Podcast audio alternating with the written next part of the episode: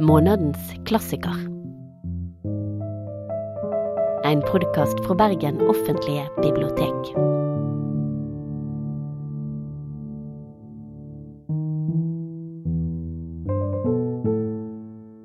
I dypet av sin sjel ventet hun på at noe skulle skje. Som en sjømann i havsnød gransket hun sitt livs ensomhet med fortvilte øyne, lette etter et hvitt seil blant horisontens tåkeskyer.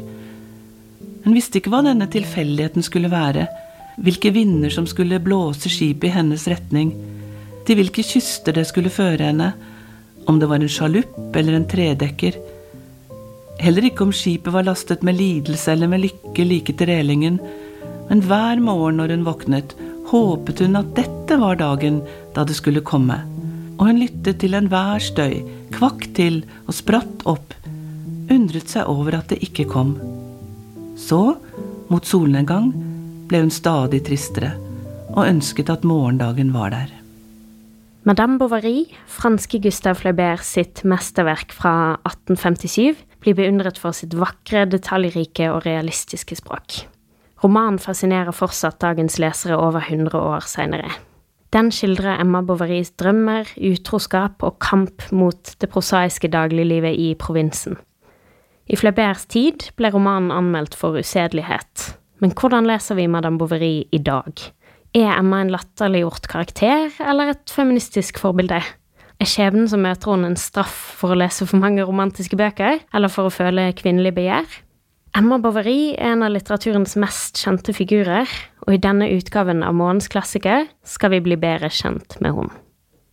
Jeg er Hanne Remsing Sævrås, og jeg formidler litteratur på Bergen offentlige bibliotek. Som vanlig inviterer vi også til panelsamtale om Madame Bovary 16.2 med Margunn Vikingstad, Thomas Espedal og Synne Ytre Arne. Du kan komme og diskutere romanen på åpen lesesirkel onsdag 22.2 på Hovedbiblioteket. Men i dag så skal vi ta et historisk og litteraturhistorisk dypdykk i romanen. Med meg for å diskutere Madame Bovary er Helge Vidar Holm, som er professor emeritus i fransk litteratur og kulturkunnskap. Han har blant annet skrevet Meurs de Provence, som er en monografi om romanen Madame Bovary på fransk. Så hjertelig velkommen, Helge. Ja, takk for det, Hanne. Og eh, først så er jo denne podkasten en del av Månens klassiker, og der velger vi spesifikt bøker som vi mener kontinuerlig fornyer seg, og som lesere får nytt blikk på over tid. Så først, hvordan definerer du klassikerbegrepet, og regner du Madame Bovary som en klassiker? Ja, altså, klassikerbegrepet det kan jo bety så mangt i dagligtale, men når det gjelder litterære kunstverk, så innebærer det vel vanligvis at verket har over et visst tidsforløp vist at det er av varig verdi. Men som en liten eh, kuriositet kanskje kunne jeg nevne at i går kveld altså Nå holder jeg på å lese opp igjen eh, Dag Solstad sine romaner. Og i går så skulle jeg ta for meg denne selvbiografiske boken som har fødselsdatoen hans som tittel 16.7.41, i en utgave som da er fra 2013, men boken ble publisert i 2002. Her står det både på forsiden og på baksiden en Solstad-klassiker. Sant. Ja, Så det tok altså der fra 2002 til 2013, altså elleve år, å bli en klassiker. Og Solstad er jo der, var høyst produktiv da, og er fremdeles i høyeste grad i live og produktiv. Så det behøver ikke dette tidsforløpet, det er et veldig relativt begrep. Men vi kan vel si at eh, stort sett er en klassiker et typisk representant helst for en epoke, da. Ikke nødvendigvis. Og den kan også være nyskapende, kanskje bør den være det, å videreutvikle og fornye en sjanger. Men uansett så er kvalitet la oss si, det er det kriteriumet vi da kan holde oss til når det gjelder litterære verk. Og jeg regner da helt klart eh, Madame Bovary som en klassiker. Det vil jeg være enig med. Men det er også Romanen er fra 1800-tallet, så det er en av de eldre klassikerne vi har hatt så langt i denne serien, og da trenger man å vite litt om konteksten. Hva er den litteraturhistoriske konteksten for denne romanen? Fins den i en slags kanon? Ja, en kanon fins den jo absolutt, men, og den representerer da på mange måter eh, skal vi si, realismen i fransk litteratur. Særlig da, altså markerer, kan vi si, overgangen fra romantikken til det vi kaller for realismen. Og eh, det skaper en spenning akkurat i overgangsperioden midten, på midten av 1800-tallet. Og Madame Bovary er jo da fra 1856-57, kom først som føljetong i 56. Og den representerer akkurat denne overgangen, denne spenningen. Altså en dragning mot ulike skrivemåter. Den er helt klart vanligvis definert som en realistisk roman, også kanskje med aspekter som peker frem mot naturalismen, som vi senere så hos en Flaubert-elev som, eh, som Guy de Montpassant, og som mm. Emile Solar da særlig. Mens de forgjengerne, kan vi kanskje si Det var en samtidig av Flaubert Victor Hugo, stor forfatter som Flaubert beundret. Og Balzac også viktig som en forgjenger for uh, den formen for skrivemåte vi finner. Romaner som trekker inn samfunnet, som vi har i undertitler til Madame Bovary, Mørst og Provence, altså skikker i provinsen eller på landsbygden. Så det handler i større grad om i anførselstegn vanlige folk? Absolutt. Vi kan jo si at eh, når det gjelder kanskje hva vi bør vite om Flaubert som forfatter, så er det ikke så veldig mye om hans person som kanskje er viktig. Altså, han var en forfatter som arbeidet svært mye og publiserte lite, kan vi si, relativt få titler, en seks-syv viktige titler i hans verk, og han har jobbet ofte fire-fem år med verkene, annet med Madame Bovary, forkastet og skrev om igjen. Men eh, også verkene hans de ble da Noen handler om eh, historiske perioder, helt bak til Puna-krigene og, og, som religiøse skikkelser, og noe handler om da, skal vi si, det dagligdagse livet, der vi har denne vekslingen også. Ellers, hva skal vi vite om han? At han, han kommer fra en legefamilie da, i Rouen, i Normandie. Og eh, begge, både broren og faren hans var anerkjente kirurger. Og eh, om du vil, så kan jeg gjerne fortelle en liten anekdote som jeg syns er viktig for å forstå litt dette med Madame Bovary. Altså, han hadde samlet Han stort sett var levde tilbaketrukket på familieeiendommen utenfor Rouen, i Le Croisé. Og han inviterte da gjerne forfatterkollegaer til å komme dit, og en gang han skulle lese for dem et manuskript han hadde skrevet om den hellige Antoines fristelser, så fikk han det rådet av særlig to venner som var der forfattere, om og bare legge det til side, kanskje brenne det, for dette var altfor svulstig, altfor romantisk.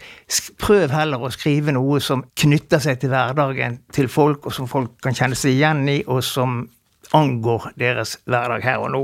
Og en av disse som uh, var der og er opphavsmann til anekdoten, Maxime Ducamp. Han uh, var for øvrig med Flaubert på den eneste store reisen han gjorde i Egypt og Midtøsten like før han skrev 'Modern Bovary, og det sies at det var der han fikk ideen til selve denne historien som ble dannet av grunnlaget for boken.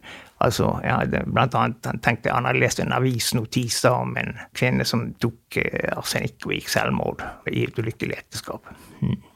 Det kan vi jo kjenne igjen og så sa han jo også, eh, nå siterer jeg ikke helt nøyaktig her, men forfatteren er ingenting, og verket er alt. Ja. Det kan vi jo Både det og den eh, ropeteknikken med å gjenta setningene igjen og igjen for å få med seg det melodiske så, men vi skal komme tilbake til ja, det eh, form. Der, det er ja. at han gikk rundt i hagen og leste høyt for seg selv og hørte på melodien i setningene og rettet og skrev om osv.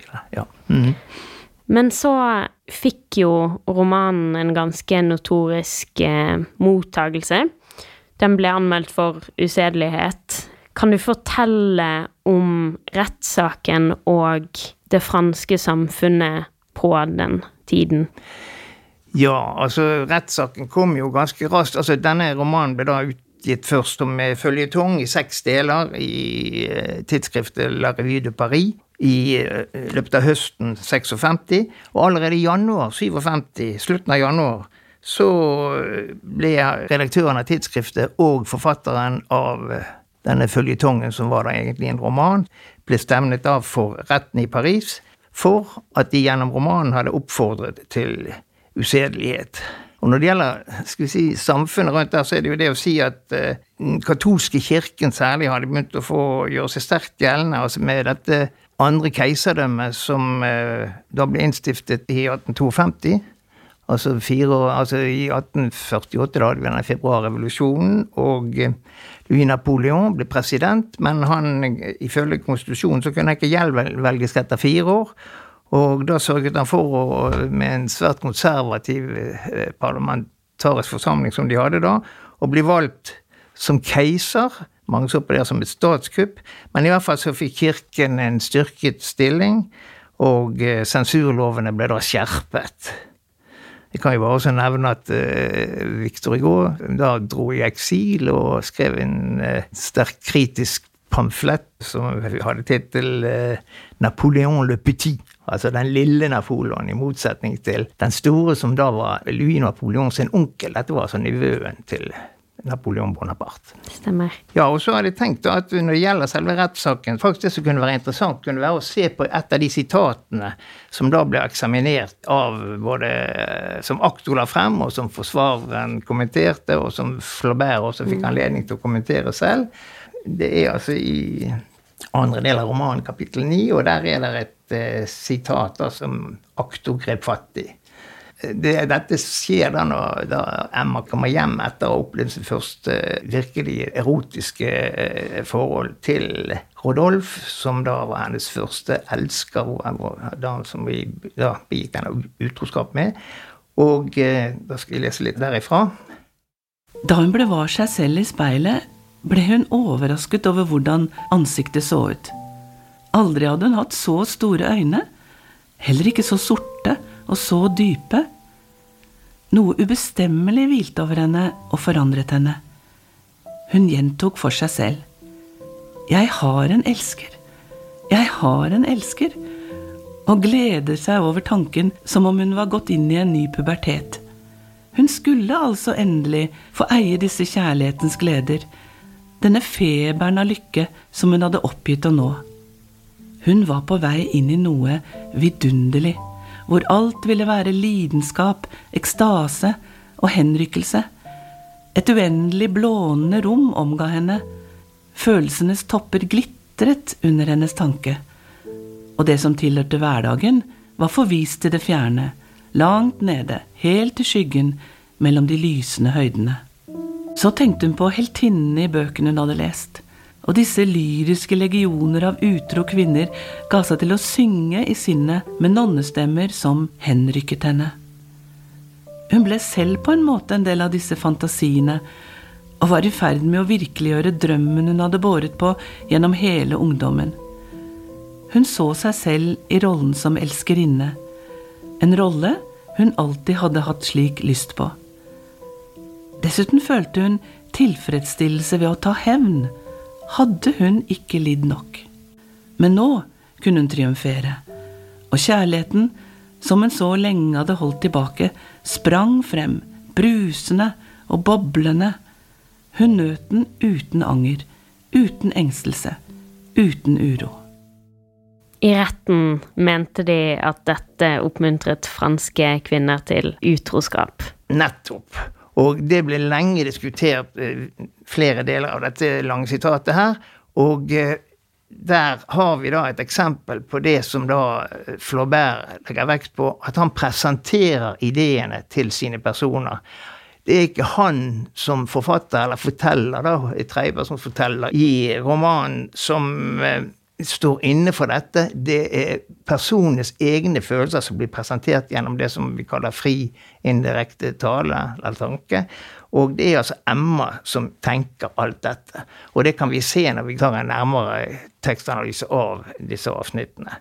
Så det kan vi si, da for å gjøre en lang historie kort, at etter flere diskusjoner om flere sitater og hva som kan kreves på et moralsk eh, nivå av litteraturen og romanen, så ble altså da eh, Flaubert og hans redaktør frikjent. Dommeren godtok eh, Flauberts holdning at en forfatters moral var først og fremst å skrive godt og presentere da noe som da kunne være en advarsel mot kvinner like mye som noen ville kunne kanskje se på det som noe som eh, kunne henrykke og friste enkelte.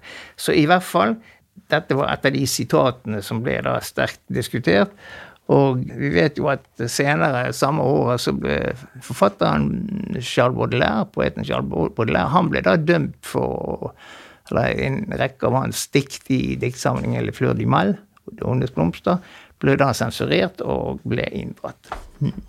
Ja, så Flaubert eh, argumenterte vel for at det var en moralistisk roman. Det går jo ikke så bra til slutt. Eh, men før vi kommer til det, så har du jo nettopp nevnt fri indirekte tale, som er veldig viktig formelt sett. Hva annet eh, kan vi si om romanens form og Flaubert som forteller? Ja, det er jo noen stikkord som Flaubert selv nevnte i sin korrespondanse, og som har vært nevnt. Altså det, på norsk blir det upartiskhet, ubarmhjertighet, upersonlighet. Altså impartialitet, implakabilitet og impersonalitet. Og det er noen idealer han da setter opp selv. Og eh, kanskje når vi tenker altså Dette med upartiskhet Det er mange som reagerer på at eh, når man, liksom, når man hører at dette var noe som Flaubert tilstrebet, for det er jo veldig mye ironi mot disse personene i romanen. Det er helt klart mot Absolutt. personene, mot hele miljøet, mot alle personene, faktisk. Og den ble jo også kritisert av en, blant annet av en veldig viktig kritiker i samtiden, sent bøv for at personen ikke hadde noen sånne skal vi si, i, i de altså eh, personer som hadde vist en moral som kunne være noe å strebe etter for leserne. Dette var folk som var utlevert, kan man si. Og der kommer det stikkordet ubarmhjertighet inn. Altså Boken er preget av det at den er gjennomført ironi. Men altså Flauberts mål var da å vise dette ved hjelp av eh, en fortellerteknikk hvor det er personene selv som kommer til orde. Mm. Og jeg kan jo her gjerne komme inn på, for, for noe som har opptatt meg mye, da, det er jo romanens undertittel. Det er jo den altså Mørste provins', som er tittelen på den boken jeg har gitt ut om Madame Bovary. Og for det første er det et poeng at i veldig mye av forskningslitteraturen omkring Madame Bovary, så har denne undertittelen blitt neglisjert, og den er faktisk fjernet fra veldig mange av eller de aller fleste utgavene i Frankrike i hvert fall, av boken etter Flauberts død, selv om han instruerte trykkeri om at det skulle være med. Og som sagt, i min lesning av romanen så er denne undertittelen viktig. Altså fordi at det er Altså, alle personer i boken de lever i et språklig univers som preger deres selvforståelse. Og eh, jeg kaller disse mørste provenser også for mørslangagier, altså språklige skikker, språklige altså talemåter som preger Eh, fortellingen, og som da er, vi kan si består av et konglomerat av ulike talemåter, ulike diskurser. Noen er ganske banale, og uh, f.eks. den romantiske diskursen som vi kan finne i samtalen mellom Emma og Leon, f.eks., og også Emma og Rodolf. Vi har de mer beste borgerlige talemåtene hos apoteker Omme og sektemann Charles. Og vi har forførerens diskurs hos Rodolf, og vi har prest prestens eller presters talemåter som mangler kan vi si gjerne innsikt i folks reelle problemer, sånn som vi finner hos landsbypresten Bornesien. Så det er et eh, portrett av et sted og en tid, ikke bare en kvinne? Ja, dette er viktig, iallfall i min lesning av romanen. Veldig viktig. Men til tross for det så må vi jo selvfølgelig snakke om Emma.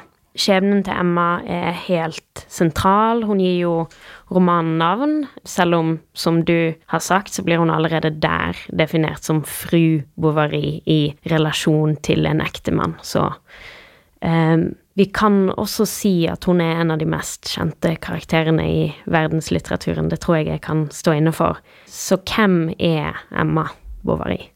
Ja, hvem er hun? Altså, det, det, mest kjente sitatet det er vel kanskje noe som Flaubert svarte på et spørsmål fra en leser om hvem han hadde modellert romanfiguren etter, og da svarte han Madame Bovary, c'est moi. Altså, det er meg. Og det gir jo egentlig et svar på spørsmålet. altså det, Poenget er ikke hvem Emma er modellert etter, for det naturligvis kunne ikke være etter han selv, en mann. Men hun er en produkt av en romandiskurs. Eh, Roland Barth bruker uttrykket 'une femme de papier', altså en som er skapt og som hører hjemme i den romanen innenfor det litterære kunstverket. Så vi kan godt si at det er romanen som er Emma Bovary, som har gjort henne til denne eh, som sagt mest kjente og mest omdiskuterte romanpersonen i verdenslitteraturen. Men hun er vel også en antihelt, kan man si det? Hun er ikke bare likt av eh, lesere? Nei, snarere tvert imot. De fleste har vel uh, mye negativt å si om henne, og det er naturlig, for det at hun søker jo falske idealer. Det er jo helt klart, uh, både når det gjelder i kjærlighet og i måten hun ødsler formuen til familien på, i hennes shopping, som noen har snakket om. Men hun er, jeg vil absolutt si at vi kan kalle henne en uh, antihelt. For hun er altså da helt enig om at hun altså Det ordet bruker spesielt på fransk, kanskje snakker man om en romanhelt.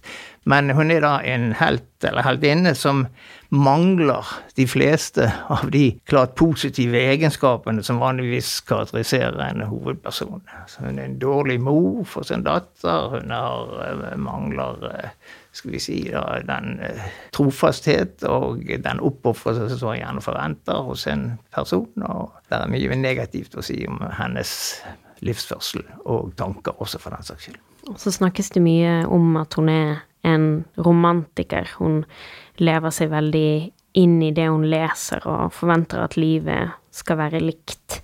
Um, men jeg syns det er interessant det at hun blir fordømt av noen og forhøyet av andre. Hva tenker du er det som gjør henne så splittende som karakter? Ja, altså hun eh, At hun blir fordømt, er jo lett å forstå ut ifra den, liksom, den skjebnen hun får, ikke sant, og den livsførselen hun har. Men så er det det at mange blir fascinert av hennes personlighet. Hun har altså da mange mer eller mindre kompliserte handlingsmønstre som gjør at vi fascineres av henne. Og eh, pleier å stille et spørsmål til studentene mine som eh, alltid gir mye interessante diskusjoner. Og da spør jeg altså om Emma er en opprørsk kvinne. Altså på fransk da une femme revoltée, dvs. Si altså en kvinne som gjør opprør. Og der er alltid svarene todelt. altså Det er noen som mener det at hun ikke er det, og de får lov til da å begrunne det. og eh, hvis svaret da er ja hos noen, så altså, hva er det da som definerer hennes opprør? Og det er veldig interessant, for da kommer vi inn på noe av det som opptar meg, og som at hun Mer enn at hun blir fordømt, så blir hun forklart gjennom Og da kommer igjen disse omgivelsene. Det ideologiske universet hun lever innenfor her på landsbygden, omgitt av de personene hun har rundt seg. Der kommer det inn og spiller stor rolle. Så hun gjør motstand innenfor de gitte rammene. Kan vi, kalle, kan vi gå så langt som å kalle det en feministisk forgjenger? Ja, altså det at hun er en forgjenger for uh, feministisk Eller at hun er et eksempel på feministisk litteratur. For feministisk litteratur har vi hatt gjennom hele verdenslitteraturens historie. Uh, det er ikke, Selv om begrepet er relativt uh, ja, Det er ikke så veldig nytt, men vi diskuterte dette mye da jeg møtte romanen første gang på 1970-tallet. Om hun var et eksempel på det. Vi kan komme litt tilbake til det. Men um, der er eksempler. Vi skal ta et sitat som kanskje kan vise både dette, altså hennes romantiske, litt sånn banale tanker om livet, og eh, samtidig hennes mangel på muligheter til å realisere seg selv som person innenfor den hustrurollen som hun da befinner seg i. Eh, og vi ser her altså at vi har da Samtidig som Emma gir uttrykk for denne situasjonen sin, altså en fullstendig unyttig tilværelse, slik som jeg uten å kunne tjene noen, altså. Og samtidig så hører vi da, eh, skal vi si, det er litt det banale, det litt forløyete romantiske i hennes tankegang om, tanker om livet. Og også det samme gjelder jo Leon, og det litt sånn dobbelt eh, parodisk her er jo når han ser på legeyrket som noe som kunne gi mening, og da får vi et lett skuldertrekk fra Emma, for da har hun da sin nære erfaring med Charles å tenke på. Som amputerer eh, kroppsdeler i hytt og pine. Ja. Mm. Emma er den andre karakteren, men jeg føler også vi må innom da selvfølgelig Charles Bovary. Og så tenker jeg også på apotekaren Homé, som er ganske viktig. Hvordan gir de oss et bilde av Frankrike den gang? Ja, altså denne apotekeren eh, og med, han er nok en viktig person, som er jo da en tydelig en fremskrittets mann og en besteborger av helt, skal vi si, mest, en typisk eksempel på det, og en som lykkes i det meste han gjør eh, når det gjelder de materielle sidene, og han liker å prange osv. med Og han er vel et eksempel på dette skal vi si, materialistiske, innstilte borgerskapet som Flaubert inderlig foraktet, og som han avslører ganske ubarmhjertig i denne romanen, som vi også ser i sluttscenen, som vi kanskje kan komme tilbake til. Når det gjelder Charles, så er jo han en kar som eh, på mange måter eh, er en god mann for altså Han gjør så godt han kan. Han, men han mestrer Vi kan godt si at han mestrer ikke språket. Han mestrer, det er veldig mye han ikke mestrer. Mens derimot eh, Rodolf mestrer forførerspråket og mestrer mannsrollen sin. Og Leon på sin måte gjør det samme, med da kanskje på en litt annen måte enn Rodolf. Men Charles er da denne som taper fordi at han ikke har de egenskapene som skulle si, dette litt hårde eh, materialistiske samfunnet krever. Selv om han elsker Emma betingelsesløst? Det gjør han jo, og det er jo det som gjør at mange oppfatter han i grunnen som en positiv karakter, eh, fordi at han er eh, Der er han helt uh, klar, at han, han er, der, er, der er ingen baktanker. Han elsker sin hustru fullt og helt. Ja, og en av grunnene til at man ser på den romanen som fordømmende uh, utroskapen, er fordi uh, Emma får en ganske grusom død. Har du lyst til å si litt om den scenen? Det er tenkt som et selvmord, og uh, hun dør av arsenikkforgiftning, men det blir jo jeg mener jo litt av agensen blir tatt vekk av at det blir presentert som at hun tok feil, at hun trodde det var sukker, så hun eier på en måte ikke den heroiske eller heltinnehandlingen med å ta sitt eget liv. Men det er også en ganske grusom scene. Det er en grusom scene, for hun dør jo da av eh, rottegiftforgiftning, ikke sant, som hun svelger. Og hun vet jo meget utmerket godt hva hun For hun er jo hjemme i apotek, eller hun er i apoteket hos uh, Hormé, og ved hjelp av Justin, altså tjenestegutten der, så, så, får hun lov til å gå ned i kjelleren og forsyne seg. Så vi vet som lesere hva hun har gjort, men det er liksom bildet ut av da som blir at det, skal vi si, eierskapet til handlingen blir tatt fra henne. Men det viktige er jo at vi vet hva vi som blir ja. Kan um, vi si litt til lytterne om hva som ledet til det selvmordet, for hun har jo etter hvert bygget seg opp en betraktelig gjeld. Det er vel eh, ganske viktig? Ja, det er viktig, for det, det forklarer jo da at uh, hvordan hun kommer i en situasjon, altså hvor hun kompenserer da for uh, den tilværelsen som ikke svarer til hennes uh, urealistiske, kan vi godt si, forhåpninger. Så kompenserer hun å noe frenetisk handling, altså kjøper av ting og setter familien i gjeld. Hun sørger for at hun får rett til å skrive på veksler og gjeldsbrev og kommer da i en situasjon hvor hun ikke ser noen utvei. Hun får ikke hjelp fra de hun håper hun skal få hjelp fra, sånn som Rodolf f.eks., som overhodet ikke stiller opp der. Og hun griper da til denne siste utveien. Og hvis man skal eh, ha en sånn moralsk lesning, så endrer jo den seg avhengig om man betrakter Emma sin situasjon som individuell eller universell. Og jeg tenker i hvert fall at den sier noe generelt om kvinner sine vilkår i samfunnet på den tiden og lenge etter. Mangelen på selvutfoldelse og være fundamentalt ufri, da. Hva tenker du er lærdommen? Altså, du sier det jo veldig godt selv, Hanne. Altså, det har dette med kvinners situasjon eh, i, i, i ekteskapet her i dette tilfellet her, da i det franske samfunnet på midten av 1800-tallet, for å plassere litt nøyaktig under det annet keiserdømmet, da, som varer frem til 48. Ja, altså hva vi skal lære av romanen, eller som du også har snakket om, en moralsk lesning av romanen, det kan jo man da diskutere. Romanen er jo først og fremst skal vi si, en leseropplevelse. ikke sant? Altså det er en eh, rik eh, og en interessant roman som tydelig vekker debatt, både i vår tid og i tidligere tider. Men eh, bare, som sagt, skal vi først møte med denne teksten på 70-tallet, da feministiske tematikken her, altså Emmas rolle, ble diskutert ganske mye, og så det også i sammenheng med Ibsens dukkehjem, som er skrevet noen tiår senere. For øvrig også av en mann.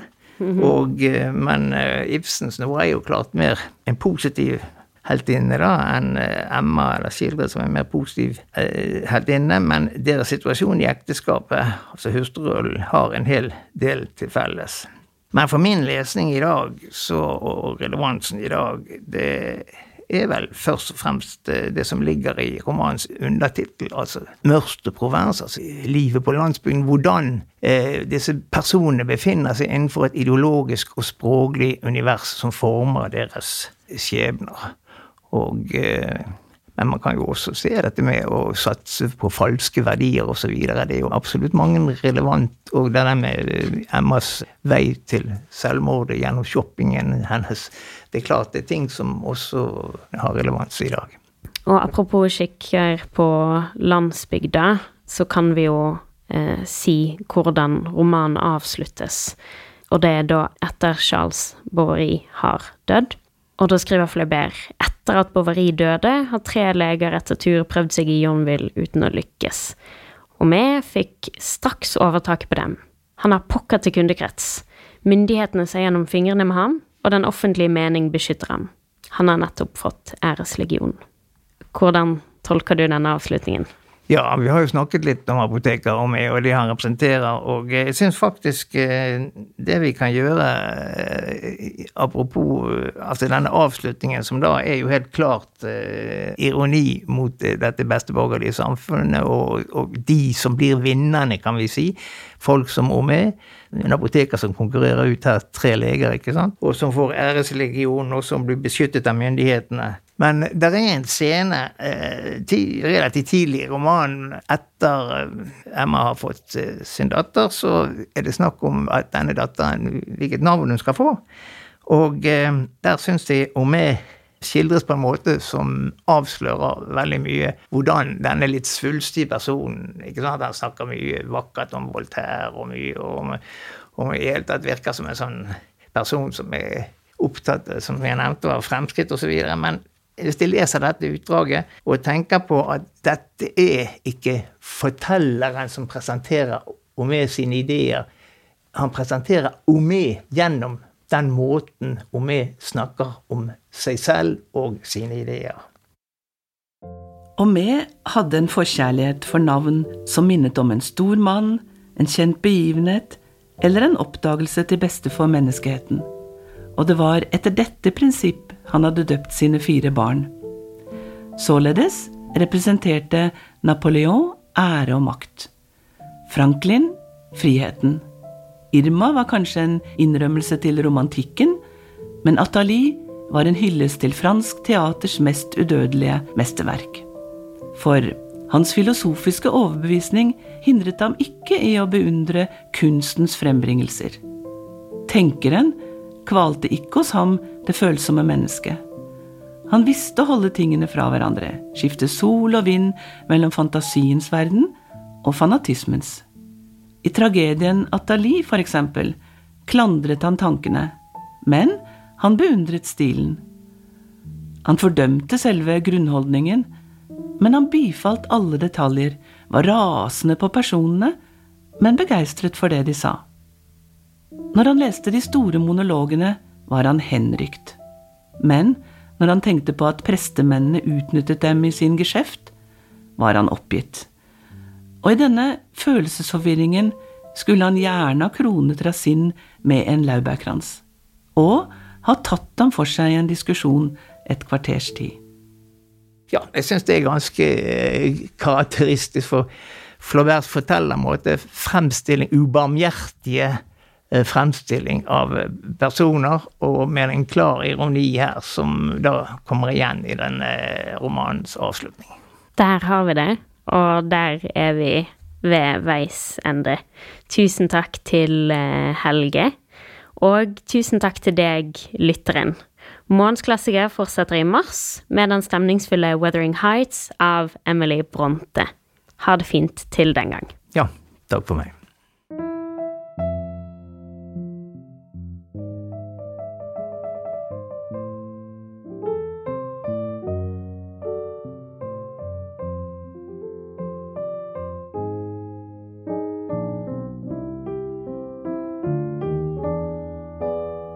Har lytta til en podkast fra Bergen offentlige bibliotek. Du finner flere podkaster fra oss på våre nettsider bergenbibliotek.no, eller der du lytter til podkast.